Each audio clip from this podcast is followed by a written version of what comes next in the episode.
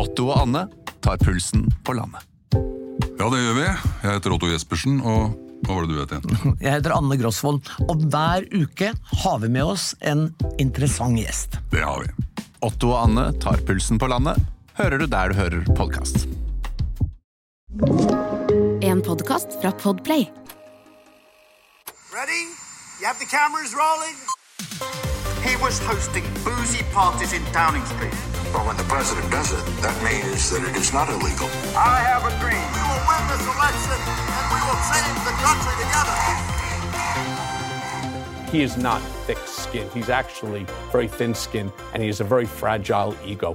This is his biggest fear that he will be mugshotted and that, you know, he's going to now have an F, a felony, next to his name. Velkommen. Velkommen. Mitt navn er Eirik Bergesen, Og mitt navn er Sofie Høgestøl. og dette er vårt nokså uhøytidelige, veldig personlige forsøk på å gå bak ukas nyheter, lete etter sammenhenger, si noe om fremtiden, på jakt etter det store bildet slik vi ser det. Hver fredag. Og eh, denne fredagen så har jeg kom, kommet sprintende inn i studio rett fra, fra NRK, hvor jeg, hvor jeg eh, kom i en taxikrangel med Sigbjørn Gjelsvik. En, en reell krangel. Ja, eller eh, altså, han, han trodde at taxien var for han, og det hadde jeg også trodd hvis jeg var statsråd. Men den taxien var for meg. For eh, han var på Politisk kvarter før meg, og så uh, Han har jo mørke biler han kan kjøre. Jeg vet ikke helt Men han, han, han aksepterte at det ikke var hans taxi. Han gjorde det, ja. Ja. Han aksepterte ikke premissene i Politisk kvarter i morges for øvrig. Jeg hørte ikke på de premissene. om at uh, han sa at det er mye bedre kår i små kommuner, og så sa programlederen at uh, men undersøkelser viser at det uh, ikke stemmer. Og så hadde han ikke noe svar på det. Det, det, det rakk jeg å tenke på, om. midt oppi alt. Fordi, Jeg- men det er ikke det vi skal snakke om. Vi skal snakke Nei, om snakke om IS-søstre og Trump. og Trump. Og Trump, dette her skjedde eh, eh, seint i går kveld. Jeg fikk en melding av deg eh, rett før jeg skulle til å sovne. Ja. Eh, du, det er lov å si at du gledet deg over dette her. Du har vært Gledet meg. Jeg, jeg, jeg, jeg syns Jeg har lyst på ferie. Jeg har så desperat lyst på ferie, det jeg tenkte i går var sånn Nå skal jeg bare krabbe over målstreken, komme til lørdag, for i morgen reiser jeg til New York. Og jeg reiser på søndag, og dette passer jo egentlig perfekt for det. For at, altså, vi må jo gjøre et eller annet trumpsk mens vi er der i USA nå. Vi må det. Vi trodde jo Vi trodde, og Donald Trump trodde, at eh, eh, dette kom til å ta flere uker før det skjedde noe. Ta, det jeg liker okay, Dette er my take akkurat nå. Mm. Så det jeg liker, er at um, Vi sa jo i forrige episode at storjurygreier eh, er ganske hemmelige. Det er faktisk straffbart å lekke ting fra en storjury. Med mindre du har vært der og vitnet selv. Hvis du selv har vitnet som Michael Cohen, så kan du snakke om det, men alle andre Det er, det er slett taushetsbelagt. Det er straffbart. Du kan gå i fengsel hvis du lekker ting fra en storjury, for det skal være veldig hemmelig. Dette er det en egen episode om i The West Wing. Så hvis man har sett The West Wing, så vet man at det kan man ikke gjøre. Um, og da, Derfor har det jo vært fascinerende å, å lese alle disse nyhetssakene hvor det spekuleres i hva storjuryen skal gjøre. Så i går var statusen For i går uh, var jeg også på Nyhetsmorgen hos NRK. Eh, et veldig hyggelig sted Klokken seks om morgenen. Et veldig hyggelig sted for å snakke om disse to Syria-søstrene. Og da var liksom statusen at amerikanske eh, medier rapporterte at storjuryen skulle ta fire uker med ferie. Og skulle ikke ha møte igjen før da sent i april. Og de må jo ha møte for å kunne ta ut en tiltale. Så da tror jeg, da, visstnok da også ifølge uh, New York Times og Washington Post og de andre mediene som nå dekker det, så trodde også Trumps advokater dette var tilfellet. Så alle pusset litt lettet ut. Jeg tenkte nå får jeg en ordentlig skikkelig fin New York-ferie med kjæresten min, hvor det ikke blir noe jobb. Nå skal jeg ikke jobbe i det hele tatt. Nå skal jeg bare komme gjennom de neste 48 timene, og så er jeg ferdig. liksom, Da skal jeg ta ferie. Uh, og så var jeg og jogget på gymmen uh, i går kveld, um, for jeg prøver å komme i bedre løpeform. Eh, og så uh, Veldig fornøyd med meg selv, og så skal jeg ligge meg uh, for å være på God morgen Norge i dag tidlig. Og idet jeg skal til å sovne, så ringer det en journalist fra VG og sier at Trump blir tiltalt. Og da var jeg sånn Faen. Dette, dette, her, dette her blir et sirkus. Og Nå, da skal jeg til deg. og ja. nå skal jeg gi deg litt tid til å puste, Sofie, for nå går det fort. Nå, selv jeg kan går- ikke høre på denne det- podden i dobbel eh, Jeg, be, jeg eh, beklager til litt. Jeg, lyttehastighet. jeg har sovet i kanskje sånn tre-fire timer, uh, og har ikke spist mat, men drukket veldig mye kaffe. Det kan vi høre. Ja. Uh, og um, fordi det som er litt interessant denne uka her, at du og Støre har nærmest sånn derre stått i en krok i Dagsrevyen, og så har liksom sånn der, den ene saken etter den andre har bare snudd kameraet tilbake til dere, og så har dere kommentert på enda en ny sak. Eh, Støre hadde både IS-søstrene, som du også har kommentert, eh, og lakseskatt. eh, Og trodde jeg da at han skulle kommentere sin egen bolig og verningen av den. For en sak det er. Det skal vi ikke ha en egen spesial om. Nei. Men, men det, det fikk han ikke til å gjøre før dagen etter. Da var han på den. Og du har kommentert IS-søstre og, og Trump. Um, det som, det som jo, Vi har jo hatt en episode om, eh, om dette, som vi har gått i detalj hva som ligger bak det. Ja. Um, og det anbefaler jeg folk som ikke har hørt den, å gå tilbake og høre den. Og så skal vi nå fokusere litt på hva som er nytt. Men eh, det som bare, La oss bare gjenta det, da. Eh, ingen eh, tidligere president har blitt eh, tiltalt kriminelt før. Det betyr at, at dette er et brudd med altså to århundre med praksis. Er, nå, nå er juristen i rommet på den andre siden av mikrofonene her, men eh, det er vel lov å si at eh, grunnlovsfedrene eh, så ikke for seg at en sittende president skulle bli tiltalt, men de var, det var full åpning for at en avgått president kunne bli tiltalt. Det, ikke, det ligger ikke noe i Grunnloven som, som tyder på, på at, det skulle være vanskelig. Så hvis det viser seg at Og dette er jo også en, en, en kriminell handling som, som ikke er helt uvanlig, hvis, hvis bevisene viser å være eh, sterke. Det er allerede en, en mann som har sittet i fengsel for dette, nemlig den personlige advokaten og fikseren, Michael Cohen. Så ligger det jo til rette for at han faktisk kan bli dømt her. Ja, nå har jeg fått pustet. Nå snakker jeg i et, et roligere tempo. Eh, Jeg lover kjære lytter at skal, vi skal roe det litt ned. Jeg merker at jeg er sliten av at folk blir tiltalt for straffbare forhold. Jeg, jeg føler at de siste to ukene med Putin, Trump og Syriasøstrene så For har en dugnad du har gjort eh, for demokratiet eh, Nei, det, her, det vet eh, jeg ikke. Sofie. Jeg har mest dårlig samvittighet for at jeg skulle rettet ferdig noen eh, oppgaver i strafferett som jeg har frist på i dag, som jeg nå må prøve å gjøre i ettermiddag, som jeg ikke har kommet langt nok på, så det beklager jeg til studentene mine.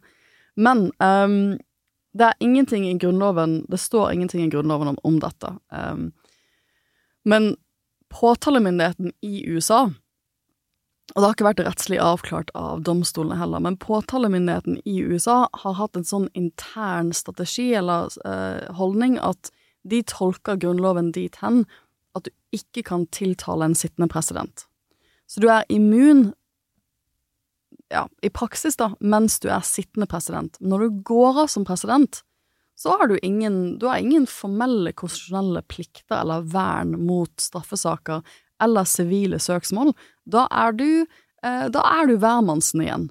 Eh, så det som er tilfellet i denne saken her, som vi gikk gjennom eh, i episoden forrige uke, det er jo at Trumps advokat har jo allerede vært i fengsel for noen av disse forholdene. Og nå tar jeg et stort forbehold her, for det, den, det vi ikke vet i dag, og nok kanskje ikke kommer til å vite før tirsdag eller neste uke, det er konkret hva Trump er tiltalt for. For igjen, som sagt, storjurysaker er ekstremt hemmelige. Men en av de tingene som du buste ut med på vei inn i studio her, var jo 30! Det er 30 tiltalepunkter! 30 tiltalepunkter! Ja. Eh, eh, og, og, og det var jo ikke noe man trodde, og det betyr jo at den Ja. antageligvis er videre enn bare rene hysjpenger. for det som skjer nå, er at um, uh, eh, tiltalen er formelt sealed. Det betyr at den er lukket, den er ikke offentlig. Den blir nok ikke offentlig. Den ville vanligvis ikke bli offentlig før personer har blitt stilt for retten, altså blitt pågrepet. Eh, da blir den offentliggjort.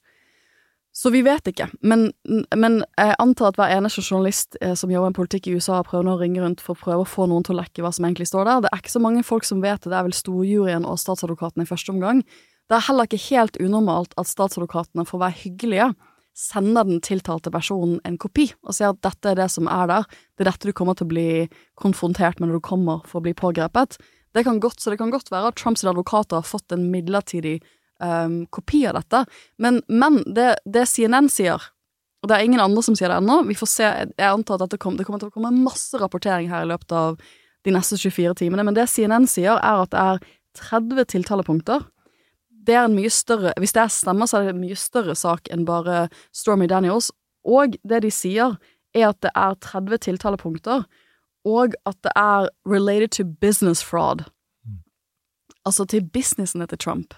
Og da snakker vi noe Det er en, det er en tviste. Hvis dette ikke bare handler om hush money payments, men også handler om at Trump har vært med på forretningssnusk eh, i regi av denne store Trump-imperiet hans, da er vi inne i noe helt annet. For, for da, det griper jo også inn i en annen etterforskning rundt han Ja. og familiebusinessen, Mm. som han også jobber med eh, fortløpende, som handler om akkurat dette her. Altså måten han annet blåser opp verdien eh, på selskapet Mm, sitt på. det, det er særlig dette at, at han eh, Det han skal ha gjort, er at han, han skal, gå, skal gått til banker, eller Trump sitt konsern, dette har de innrømt til dels, skal ha gått til banker og sagt at nei, disse vi, våre, våre, de tingene vi eier er verdt kjempemye penger. Uh, og det gjør de for å få sikre lån fra banken. Men når de har meldt inn til skattemyndighetene, så har de vært sånn nei, disse boligene er ikke verdt så mye. Og da lyger man til da, da, det, det er å lyge. Uh, og det er også straff. Det er økonomisk kriminalitet. Uh, om det er overfor banken eller skattemyndighetene, det, det er jo ikke så viktig, men da, da er man ikke ærlig om verdiene man eier. Um, og det som, dette har jo vært en lengre etterforskning, som du er inne på, hvor både uh, han som har vært sjef for uh, Trump sitt imperie, forretningsimperie, um, han har blitt uh, tiltalt for en del for Han er jo en, en straffesak om dette.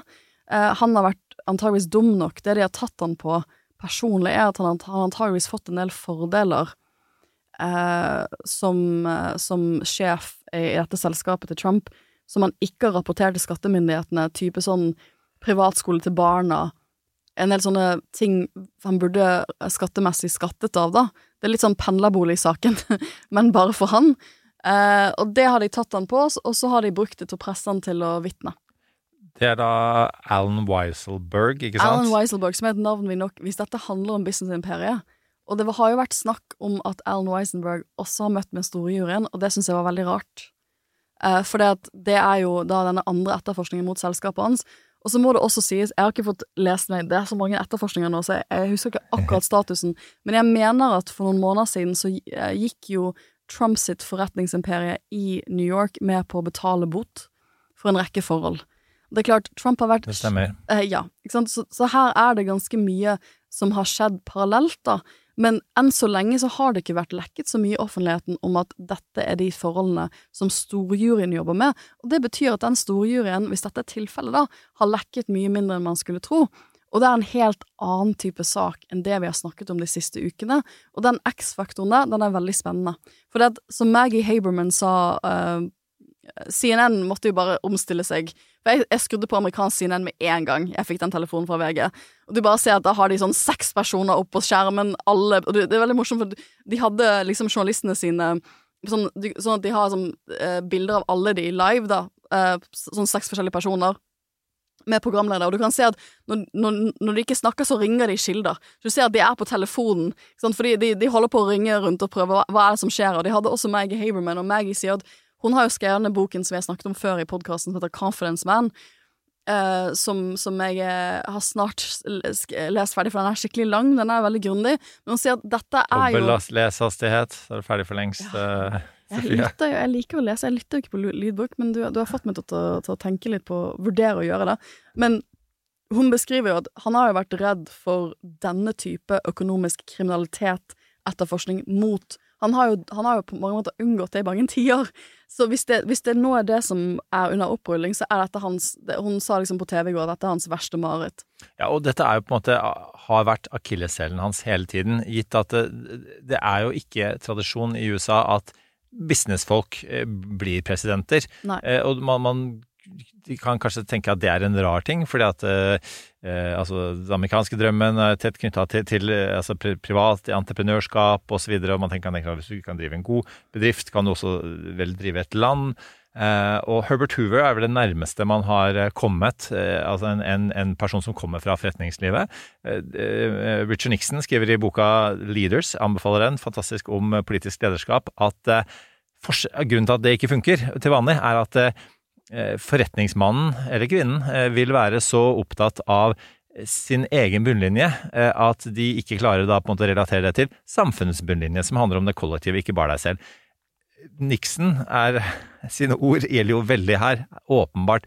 Trump er opptatt av Det er ikke America first, det er Trump first. Trump er opptatt av sin egen bunnlinje. Han har jo f.eks. tjent veldig mye penger på å varsle at han skulle, Skulle bli kunne bli arrestert. Mm. eh, og veldig mye annet, ikke minst eh, valgkampløgner osv. Sånn at, eh, sånn at eh, Trump tjener penger på dette, og det var noe av de tingene som eh, grunnlovsfedrene ønsket å unngå, da.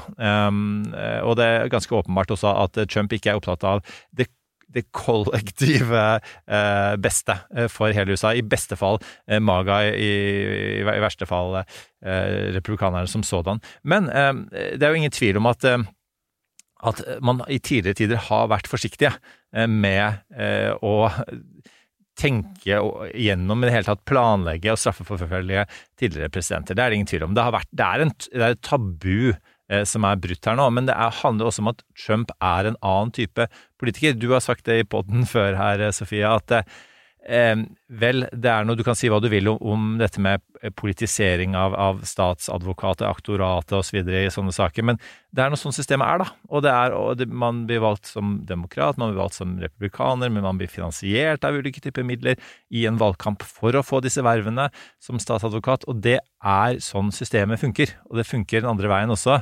Mm. Eh, og så er det til syvende og sist dette med likhet for loven, ikke sant, som er det største argumentet som demokratene kan bruke her. At er, er Trump eh, hevet over loven, eller er han eh, ikke det? Ungsamtalen fra DNB er økonomisk veiledning tilpasset deg som er ung. Bokk en ungsamtale på dnb.no. slash ung. Det er kjempebra hvis du skal inn på boligmarkedet, hvis det er drømmen din, liksom. Det er det du skulle sagt. Og så kunne du ropt litt mer, da, sånn som jeg gjorde. Bam! Men det, det blir veldig spennende, for igjen, vi vet ikke, vi vet ikke om det CNN eh, sier stemmer. Jeg tror de aller fleste har lagt til grunn at det kun er hash money payments og en del tiltalepunkter knyttet til det. Men hvis det også er sånn mer generelt det de beskriver som business fraud eh, For han skal jo kanskje ha brukt Trump-konsernpenger til å betale disse hysjpengene. Men hvis det, er, hvis, det går, hvis det er 30 punkter, så kan jeg ikke helt skjønne at de alle de skal relatere seg til dette, til hash money payments. Så jeg er, jeg er veldig spent på, og da vil jo saken utvikle seg på en måte man kanskje ikke hadde forutsett for verken hans støttespillere, eh, Trump, for det, de, de ble visstnok tatt like mye på sengen som det, som det jeg ble i går. Eh, de hadde også trodd at, at det, det amerikanske medie rapporterte i går, var at de hadde også hørt at det var fire uker ferie. Og det jeg liker litt her, er at det er sånn the revenge av storjuryen. For han, Trump går jo liksom da ut for to helger siden og sier jeg blir arrestert på tirsdag. Det ble han jo ikke, det var jo bare tull. Det var jo ikke holdbart. Eh, og da ble jo plutselig forrige uke et sånn ekstremt mediesirkus og mye press på storjuryen. Og så har de hatt noen hemmelige møter denne uken her, og, og så har det lekket ut at de liksom skal ta ferie. Og så er det bare sånn nei, nei, nei, det skal vi ikke. Og så greier de å ha et hemmelig møte på torsdag og tiltale han. Ikke sant? Og ta han helt på sengen. Og, og da, da, da Dette er jo du som har sagt også om, om, Trumps eh, metode som handler om å få motstanderen på bakbeina hele tiden. Nå har de Nå fått, de ikke bare deg, men Trump på bakbeina. Eh, Og det, er- det er jo eh, ganske godt gjort. Og de, de har jo eh, makten og ressursene til det. Mm. Eh, Og, og noe av grunnen til at det har tatt lang tid, er jo at man har brukt lang tid på å planlegge dette. Eh, Og så har vi nevnt et par ganger her nå de andre sakene mot Trump. Bare oppsummere kort det. Det handler jo blant annet eh, om, om disse her eh, dokumentene han oppbevarte på Mar-a-Lago, altså topphemmelige atomdokumenter osv., som, som jo heller ikke er lov. Der er det etterforskning på gang. Og så er det den andre store viktige saken, selvfølgelig. 6. januar, kongressstormingen, som jo nok de, de fleste Trump hvis du inkluderer ikke bare kritikere, men skeptikere, eh, tenker at, at det er det politisk mest interessante, Ja. gitt at, at det er det som har, har størst konsekvenser for demokratiet og for en mulig ny Og der må vi også presisere at, presisere at det, um, det er jo også denne etterforskningen i Georgia, i delstaten Georgia, på om Trump skal da ha prøvd å påvirke opptellingen av valget i den delstaten. Det anser jeg også for å være en mer alvorlig etterforskning. Igjen, vi, nå vet vi jo ikke helt hva Fulton som County, Fulton altså når County, nå- aktor der Ja. eh, Det er jo det, det er sånne som oss i hvert fall sitter og gått og venter på. på. Eh, det, for det, det, er, det er jo der Trump tok denne telefonsamtalen hvor han ba de finne noen stemmer. Og skal ha ringt, det har kommet frem i offentligheten at han kanskje har ringt andre personer der også. Og det er jo veldig ikke bra. Eh, Det er veldig, det er veldig ikke bra. Um, så den, den etterforskningen har tikket og gått, og tatt seg opp, visstnok, da. Men igjen, det er også en hemmelig storjuryetterforskning, så vi vet jo ikke alt der heller. Um, men, men den siste uken har vært tøff for Trump, for det, det som har skjedd i den føderale etterforskningen, som da inngår både disse hemmelighetsstemplede dokumentene som man har hjemme, og stormingen av 6. januar, så eh, ser det ut som at en føderal dommer i New York den siste uken har gått med på at uh, hele kabinettet hans tilsynelatende, altså inkludert Mike Pence, må vitne for, uh, for den etterforskningen og storjuryen. For de har prøvd seg på sånn executive privilege og si at nei, nei, dette Vi har taushetsplikt på det vi jobbet med i regjering. Vi, vi, vi, kan, vi, er unntatt å vitne for en sånn type storjury. Det er da, dette, disse rettsdokumentene er ikke offentlige, så det, dette er jo det er ting som er lekket, da. Men visstnok så skal en føderal dommer ha gått med på at både Trumps advokat kan vitne i den saken. Det ikke igjen, det var det, det som skjedde med Michael Cohen. Når Michael Cohen ble prest og vitne, det var jo starten på slutten for den Stormy Daniels-saken. Det at hans advokat nå må vitne mot han i disse dokumentgreiene fra i fjor sommer, det er ikke bra. Og at som toppersoner i hans eget kabinett, som Mike Pence, også nå må vitne i storjursaken. Igjen, det betyr ikke at han blir tiltalt, men det er, det er, ikke Jeg ville ikke sett så lyst på det hvis en dommer da har blitt overbevist nok om å si at nei, nei, dere får ikke lov til å, å si at dere har taushetsplikt. Her skal det vitnes. Eh, og eh, det som også er interessant da, med de andre sakene her, er at eh, fordi det man nå Og det er jo mange glade for, selv om man hadde ønsket at, at det var de andre sakene det gjaldt. Når at man allikevel tar ut en tiltale, at, at rettsstaten skjer fyllest, at, det har konsekvenser, det eh, er, det er grunn til å være eh, positiv omkring. Eh, og det betyr jo også at terskelen senkes noe for de andre sakene. Ja. Altså alle de andre eh, statsadvokatene her som sitter og forbereder sine saker, tenker at ok, hvis de kan tiltale, hvis de eh, har klart å gjøre jobben så godt at man har overbevist en storere, da kan vi også gjøre det. Og det er all grunn til at dette bildet skal bli mer komplett. Og det vi kan se for oss i forkant av valget i 2024, er ikke bare én, kanskje to, kanskje tre Trump-tiltaler. Eh, og han, han, kan til og med risikere å Altså, han, han kan nærmest vi, um, vi spøkte litt med den Trump-episoden, at, at, at, jeg i hvert fall gledet meg over tanken med, med Trump kjørende ut av Mar-Lago i en hvit Bronco, OJ Simpson-style, med politiet i hælene. Altså, altså, tenk om han kan nærmest drive valgkamp på flukt. Han kan nærmest Altså, kan han, dette lurer jeg faktisk helt oppriktig på, kan han Han kan drive valgkamp og både være siktet, han kan være dømt, han kan ha vært i fengsel. Kan han sitte i fengsel, sitte faktisk i fengsel og drive valgkamp, slash å være president? Her stiller du spørsmål som ingen kan svare på. For hvis Kan han legge hånda si på Bibelen fra en fengselscelle og ja, bli sworn inn som president? Ja, Eller hvis han er i fengsel for et annet forhold, om han da må slippes fri fra soning mens han er president. Ja. Jeg vet ikke, Eirik. Her snakker vi om ting som aldri har skjedd før. Og ting Det det interessante er at forskjellen mellom modne demokratier, eller land som har vært demokratier lenge, og de som ikke har vært det, er ofte at gamle demokratier, som den norske som Gamle grunnlover, som Den norske grunnloven er jo nest eh, eldst i verden etter Som fortsatt er i kraft etter den amerikanske. Det er jo at vi har ikke skrevet inn så mange sånne kriseregler. Og det handler om at vi har ikke hatt så mange sånne kriser, så da har vi ikke hatt et behov for å tydeliggjøre i grunnloven vår en del av sånne type spørsmål, da. Mens nyere demokratier, som har ofte blitt demokratiet etter langvarige konflikter, da tenker jeg på en del land i tidligere Jugoslavia, de har grunnlover med masse detaljer. De har avklart en del av disse spørsmålene, for der har man jo hatt politikere som har vært fengslet for grove forhold, så der har man måttet ta stilling til disse spørsmålene. Men i USA så har man jo ikke hatt dette før. Så I have no idea. Jeg aner ikke hva som hadde skjedd hvis det var tilfellet. Jeg aner ikke om man kan bli valgt Man kan vel stille til valg i fengsel. Uh, hva som hadde skjedd hvis han hadde vunnet, det vet jeg ikke. Um, det jeg antar vil skje, rent praktisk, det er jo at uh, advokaten hans må ta noen veivalg nå. Enten kan de prøve De må velge en taktikk. Hvordan skal de gå frem her? En taktikk kan være i New York og tenke at vi um, prøver å presse saken sånn at og prøve å presse påtalemyndigheten til at saken skal gå så fort som bare mulig, sånn at de har mindre tid til å forberede seg, og sånn at vi kan bare få denne saken ut av veien. Eller eh, så kan de ta et veivalg nå hvor de prøver å eh, dra dette ut så lenge som mulig.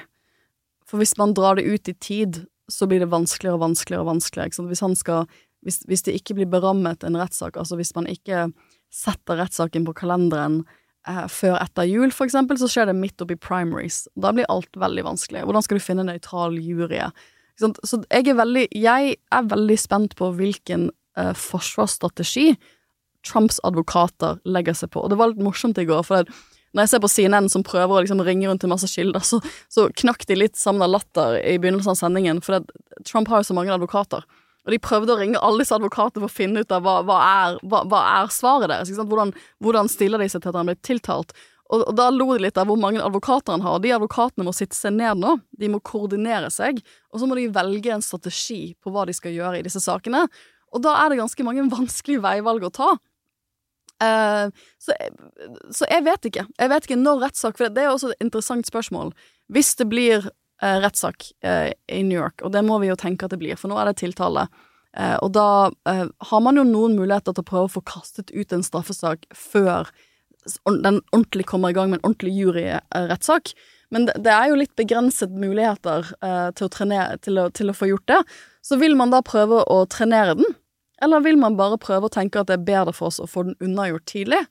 Eh, det, her er det masse dette, det, La oss være helt ærlige, Erik. Dette blir det neste halve året i amerikansk politikk.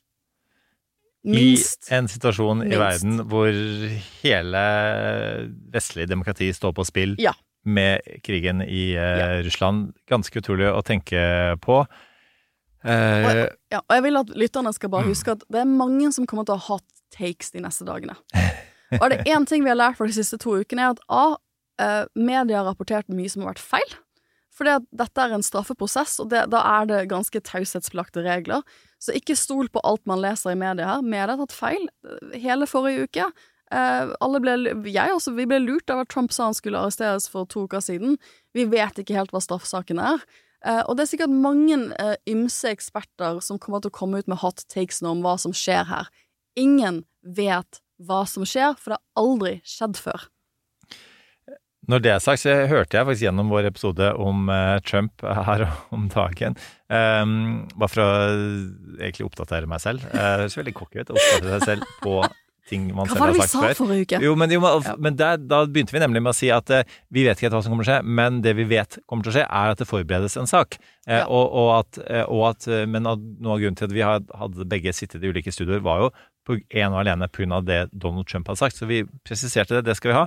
Og så, var, og så hørte jeg også at jeg var uh, ganske flat for at jeg hadde hatt en uh, litt sånn tøff tid.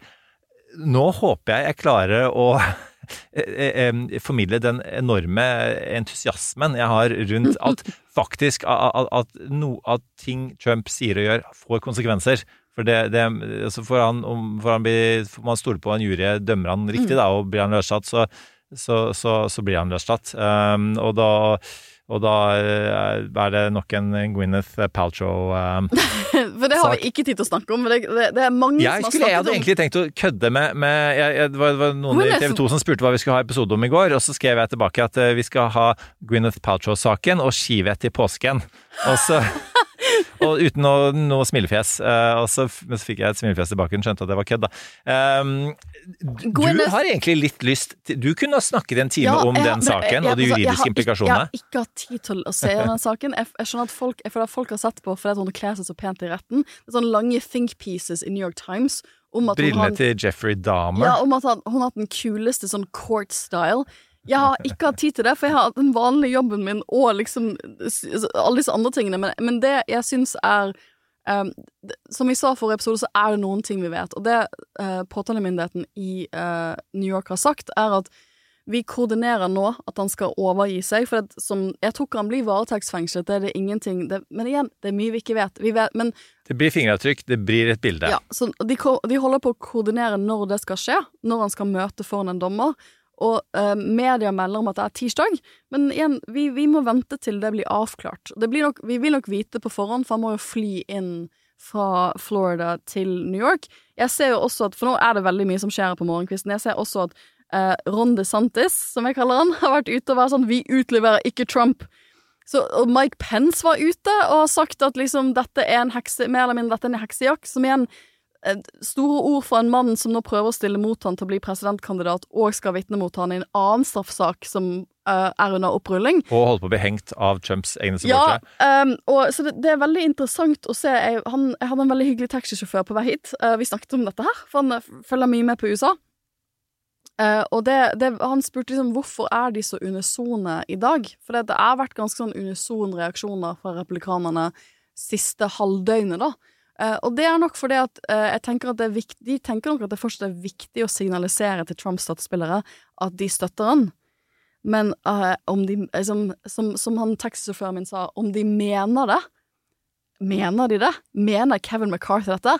Nei, det Nei. tror jeg ikke på et sekund. Og vår venn Ron DeSantis òg, han, kan- han kan godt bare si det. eh, Fordi at eh, etter all sannsynlighet så vil Trump eh, faktisk fly til New York. Ja, Advokaten hans det, det vil råde ham om det. Så det blir ikke et spørsmål om ja, han må er- utlevere godkjenne noe utlevering her. Det er rent proforma, men det gøye, bare for å gjenta det, for det er såpass gøy, er jo at eh, hvis da Trump ikke overgir seg og DeSantis ikke utleverer han, så, eller utstede en arrestordre, noe han er forpliktet til å gjøre, så kan, er det Ron DeSantis som kan havne i fengsel eh, for, å ha, for å ha brutt amerikansk lov. Vi, vi må avslutte Vi må denne, for vi skal snakke om IS-søstre. Ja. Eh, helt til slutt, bare. Eh, det også folk lurer på, er blir det en type sånn 6. januar-type eh, folkelig mobilisering rundt dette? Det er jo det Donald Trump ønsker. Og Trump også har blitt kritisert blant annet av sine egne for å kalle eh, denne eh, altså statsadvokaten Alvin Bragg for en, eh, et dyr, en rasist, eh, Soros-backet, eh, menneskelig avskum osv. Og, og han har avbildet seg selv med en, en, en, baseballkølle ved siden av bildet av Bragg. sånn at det, er det noen som kommer til å eskalere dette fremover, så er det en Donald Det, Donald det er veldig interessant, for jeg føler at han har måttet gå litt tilbake på noe av det han har sagt, og det er veldig sjelden Trump gjør. I et Så her- sjeldent intervju, eller ikke- ikke sjeldent intervju i Hannity, men sjeldent ydmykt intervju i Hannity, hvor han prøvde faktisk å backtracke noe av dette her. Noe av den Han- voldsomme retorikken han har brukt, og det viser litt at han også nå kanskje skjønner at eh, hvis det blir vold i gatene denne uken her, en gang til, etter han har sagt, eh, kommet med oppfordringer til sine støttespillere, så vil det nok ikke se så bra ut. Så, men han, han er, har jo vært ute og sagt at jeg er uskyldig. Han har også rett på menneskerettigheter som alle andre mennesker, og han er uskyldig til det motsatte er bevist, bare så jeg har sagt det. Det var dine avsluttende ord på dette. Mm. Eh, Nå skal jeg bygge bro inn til vår neste sak. Bra.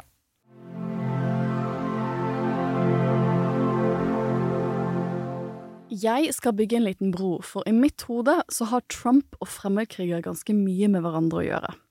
Eh, og det er fordi at eh, da, den dagen han ble valgt i 2016, så hadde jeg som ung forsker min første konferanse som jeg hadde invitert til selv. Og den konferansen var en konferanse om hvordan man straffer fremmedkrigere i Skandinavia. Og det ble til en bok etter hvert, en redigert bok som jeg ga ut med to gode kollegaer ved Norsk senter for menneskerettigheter. Men vi hadde jo, når vi satte den datoen, så hadde vi ikke tenkt på at det var dagen etter det amerikanske valget. Ehm, for vi, vi satt et halvt år på forhånd, og jeg var ikke USA-ekspert da, og, og, og var veldig fokusert på doktorgraden min og, og fremmedkrigere, som var et sånn sideprosjekt ved siden av doktorgraden. Så eh, Trump for meg valget, Det at Trump ble valgt, vil alltid for meg eh, trigge minner om fremmedkrigere, for det var en sånn sjokk eh, vi startet konferansen klokken åtte om morgenen. De fleste som forsker på dette, forsker på internasjonal politikk også. Så de, de, de, de fjesene han liksom, Det sjokket om at han hadde blitt valgt, det, var så, det satt så i veggene på konferansen. så det kom med en bok dagen etter Trump hadde blitt Nei, vi, vi, vi hadde en konferanse hvor vi um, Dette vet jo kona di som forsker. Vi hadde en konferanse hvor folk skulle komme med bidrag, og den, de bidragene samlet vi, og det ble en bok. bok. Det høres ut som den- dårligste planlagte boklanseringen nest etter at jeg utga bok den dagen hele Norge stengte ned med pandemien. Fakta og makta. Det, er, Eh, ja. det ble ikke noen lansering i det hele tatt. Nei. Men jeg skal kjøpe den på Nordli nå, eh, nå som du sier. Jeg har vært på Mammut. Jeg Fikk jeg faktisk en sjekk på 1000 og noen kroner. Uh, Ja, for Jeg jeg har så å si aldri fått så mye penger for den uh, fremmedkrigerboken min, men um, jeg skrev da, eller jeg, jeg redigerte da en bok om hvordan man straffeforfølger fremmedkrigere i Skandinavia, for det, var, det som gjorde at vi var interessert i dette, jeg hadde en dansk kollega og en svensk kollega, var at eh, vi så at Danmark og Sverige og Norge gjorde litt forskjellige veivalg når det kom til hvordan vi skulle gjøre dette her. Um, og så skjønte vi jo at uh, På dette tidspunktet 2016 så var det interesse rundt det. Da var det mye diskusjon om hvorfor folk reiste ned til Syria for å bli fremmedkriger, men vi skjønte at den dagen disse folkene skal hjem, da kommer straffespørsmål og rehabiliteringsspørsmål til å bli det store diskusjonen. Men at det, at det skulle bli så stort som det ble, det hadde vi ikke trodd, for vi, vi lanserte boken rett før jul eh, altså i årsskiftet 2017-2018, og da begynte det jo plutselig å bli veldig, veldig stort. Um, men broen mellom Trump og eh, fremmedkrigere fortsatte for min del, for når Trump var president, så var han veldig tydelig på at han Så innen IS blir eh, beseiret i 2018, så er Trump fortsatt president i USA. Og, og da var det i, i, i, realiteten Mye av det amerikanske militæret var jo med på beseiringen av IS. Eh, og da fikk man det problemet i 2018 at etter man hadde erobret disse store landområdene som IS hadde kontrollert, så hadde man rett og slett mange, mange vestlige fremmedkrigere i varetektsfengsling. En slags varetektsfengsling. Og vi har jo nå alle sett bilder fra disse leirene som kvinnene og barna har vært i. Men det, dette har jo vært et problem siden man da begynte å varetektsfengsle i sånn 2018-2019. Og da drev Trump og prøvde, for det var ikke så mange amerikanske fremmedkrigere som reiste. Så det var ikke et så stort problem, men det var et veldig stort problem at en, en rekke europeiske land Frankrike hadde flere hundre personer som var i disse varetektsfengslingene. Og USA var veldig tydelig på at dette har, kan, har ikke vi kapasitet til å gjøre. Det har heller ikke kurdiske selvstyremyndigheter kapasitet til. U eh, Europa, nå må dere skjerpe dere og hente hjem deres egne statsborgere. Så da skrev jeg en kronikk i Aftenposten, hvor jeg tok til ord for at Norge også burde hente igjen sine fremmedkrigere. Dette er sånn 2018-2019. Og det er veldig sjel... Eller Aftenposten har aldri gått med på uh, mine forslag til titler, for det har ofte vært veldig Sånn som du, du er også aldri interessert i mine titler på episodene her. Vi kan, vi kan jo også De er ikke så veldig gode. Ja, mine tittelforslag er sånn kjedelig forskerforslag. Men når jeg skrev akkurat det tittelforslaget der, så skrev jeg sånn uh, Så fikk jeg sånn, så sånn Oi, dette kommer jeg til å gå for. For tittelforslaget mitt var Jeg er enig med Trump vi må hente fremmedkrigerne våre hjem, og det digget de. Så det ble tittelen.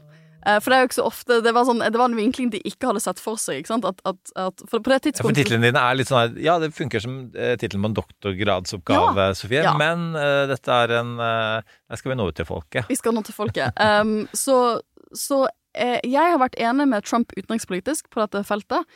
om at jeg mente at vestlige land burde hente hjem fremmedkrigere sine litt. For det, det var ikke noen mulighet for å straffe de i Syria. Eh, det var masse barn. Uh, og det er, var ikke mulig for de kurdiske selvstyremyndighetene å håndtere dette selv. De har ikke penger eller råd eller kapasitet til dette. Uh, men så har det jo blitt et veldig, veldig langt politisk spill om å hente hjem en del av disse personene.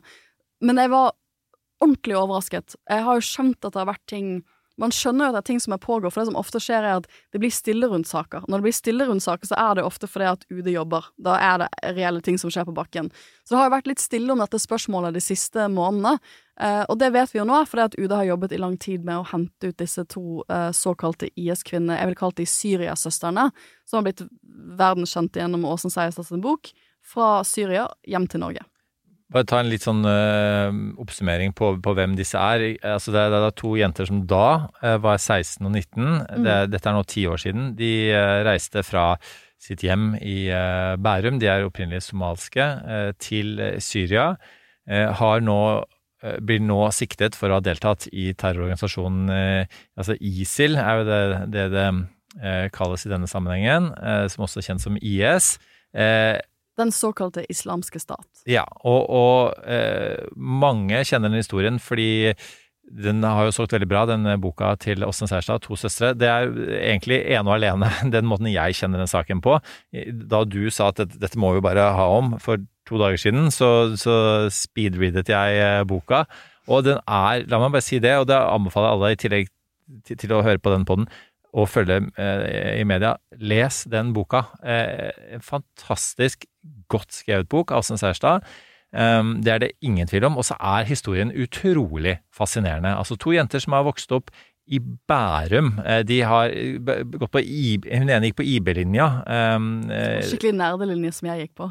Ikke sant? Ja. og, og hun var aktiv i Amnesty. Altså dette er, og spesielt hun var ekstremt talefør, karismatisk i det hele tatt. Eh, Det er en helt utrolig historie, også den radikaliseringsprosessen som har skjedd. Og dette var jo midt oppi profetens Uma, eh, Ubaydullah Hussein, Arfan Bati, Islamnet. alt dette her, islamnett.no, eh, og, det er veldig innsiktsfullt rundt den biten der. Og så har de jo heller ikke ønsket å komme hjem i utgangspunktet, og en av Altså en tredje norsk kvinne som også var i den Sa leiren. nei til å bli med. Ja, hun sa nei til å bli med. Så har, men så har de også da fått tre barn eh, til sammen, da. Eh, disse to søstrene som nå hentes hjem, og det er mye den omsorgen for barna som Ja. jo det, både myndighetene og for Åsne Seierstad har holdt fram som, som særlig viktig her, da. Det er jo norske statsborgere, eh, og du, du, du viste til en sånn Twitter-runde du hadde med en person Det er en om person dette. som, som For jeg, tweetet sånn jeg syns det er bra at de henter barnet. Jeg syns regjeringen har gjort en god jobb her. Mm. Eh, vi kritiserer av og til regjeringen, men jeg vil, jeg vil eh, gi stor honnør til utenriksministeren. Jeg syns hun har håndtert denne saken godt. Jeg var veldig enig med alt hun sa på den pressekonferansen.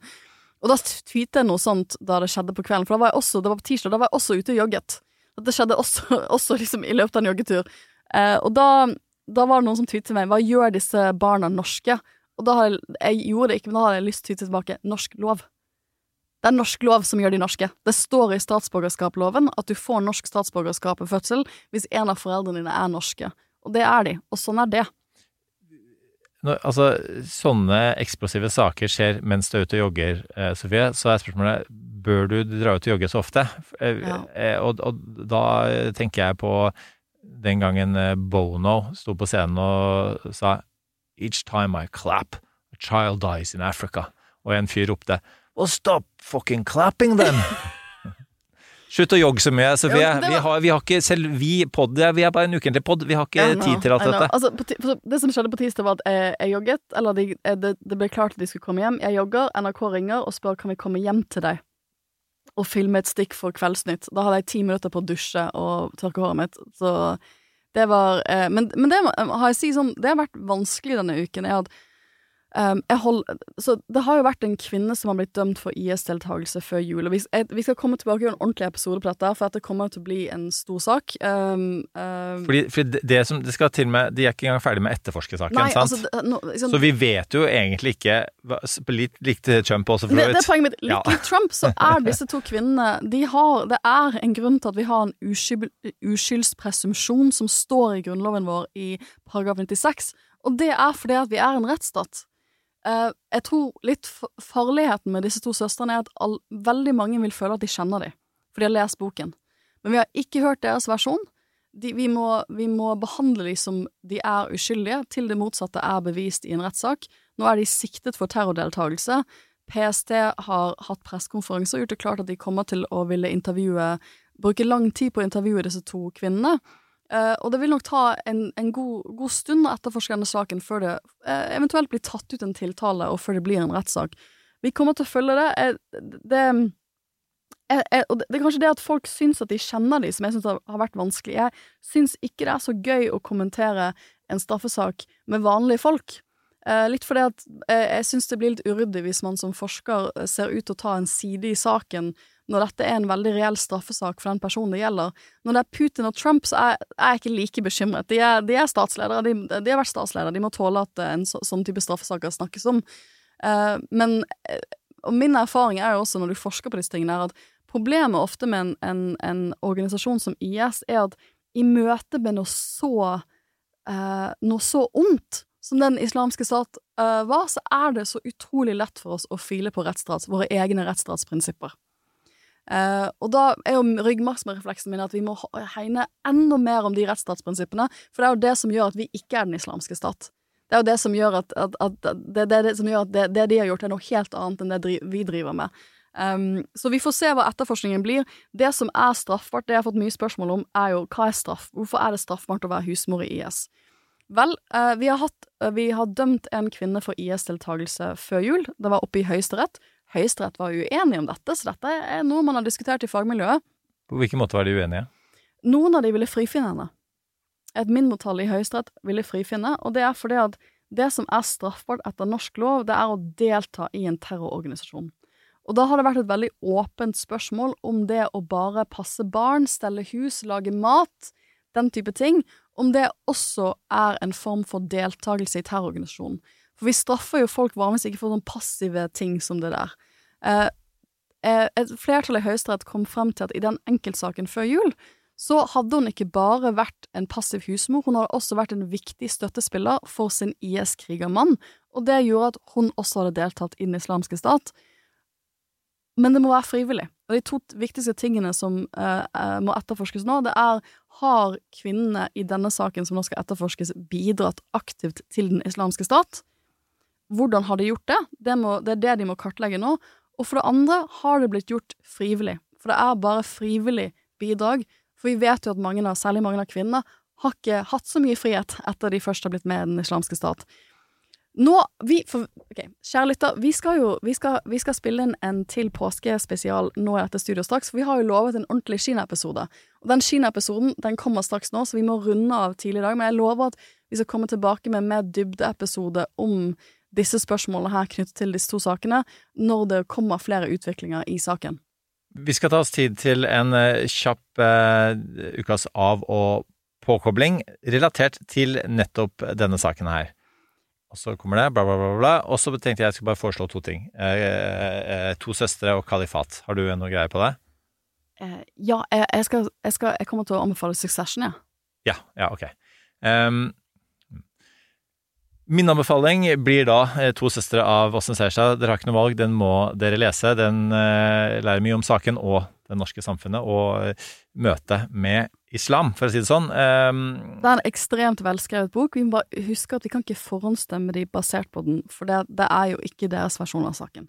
De har, Bare de blitt, det de har fått, de blitt framlagte, men de har ikke ønsket å ikke kommentere på det. Kalifat, også en uh, veldig bra uh, podkast. Noe kontroversiell og omdiskutert eh, er den, men det også eh, har noe av den samme tematikken. Den kom for et par år siden. Den er fortsatt verdt eh, å eh, høre på. eh, Prisvinnende på veldig mange måter. Eh, selv om man får med dere også kontroversene rundt eh, at kanskje ikke alt var sånn som man eh, trodde det var. Min uh, ukens anbefaling er TV-serien Succession på HBO. De har kommet med sin fjerde og siste sesong. Første episode kom på mandag. Andre episode kommer nå denne uken. Jeg syns første episode var fantastisk. Det er en av mine favorittserier. Jeg gleder meg sinnssykt til å sitte i New York og se på Succession samtidig. Om bare et par dager. Jeg reiser i morgen. Og jeg reiser søndag, og vi håper kanskje på tirsdag eh, at vi kan møtes, møtes, i New York, New stå utenfor Trump Tower. Trump blir ført ut i håndjern. Vi får uh, The Money Shot uh, med oss uh, i forgrunnen, han i bakgrunnen. Og de andre 5000 journalistene som kommer til å descend on New York den dagen. Men da, da blir Inntil videre, for det ha en flott påske. Vi kan allerede nå si at det kommer en påskespesial. Den kommer på onsdag. Den er allerede spilt inn, og den er helt glimrende med Audun Med Lysbakken. flotte Audun Lysbakken, som vi har så takknemlig for at Som kom. Kiss and Tell fra år som partileder. Oh yes. Den Og, kan dere glede dere til. og så skal vi spille inn denne Kina-episoden straks. Med det, eh, takk for eh, nå. Ha en god helg og en fortreffelig påske. God påske. That's enough. Put down the mic. Du har hørt en podkast fra Podplay. En enklere måte å høre podkast på. Last ned appen Podplay, eller se podplay.no.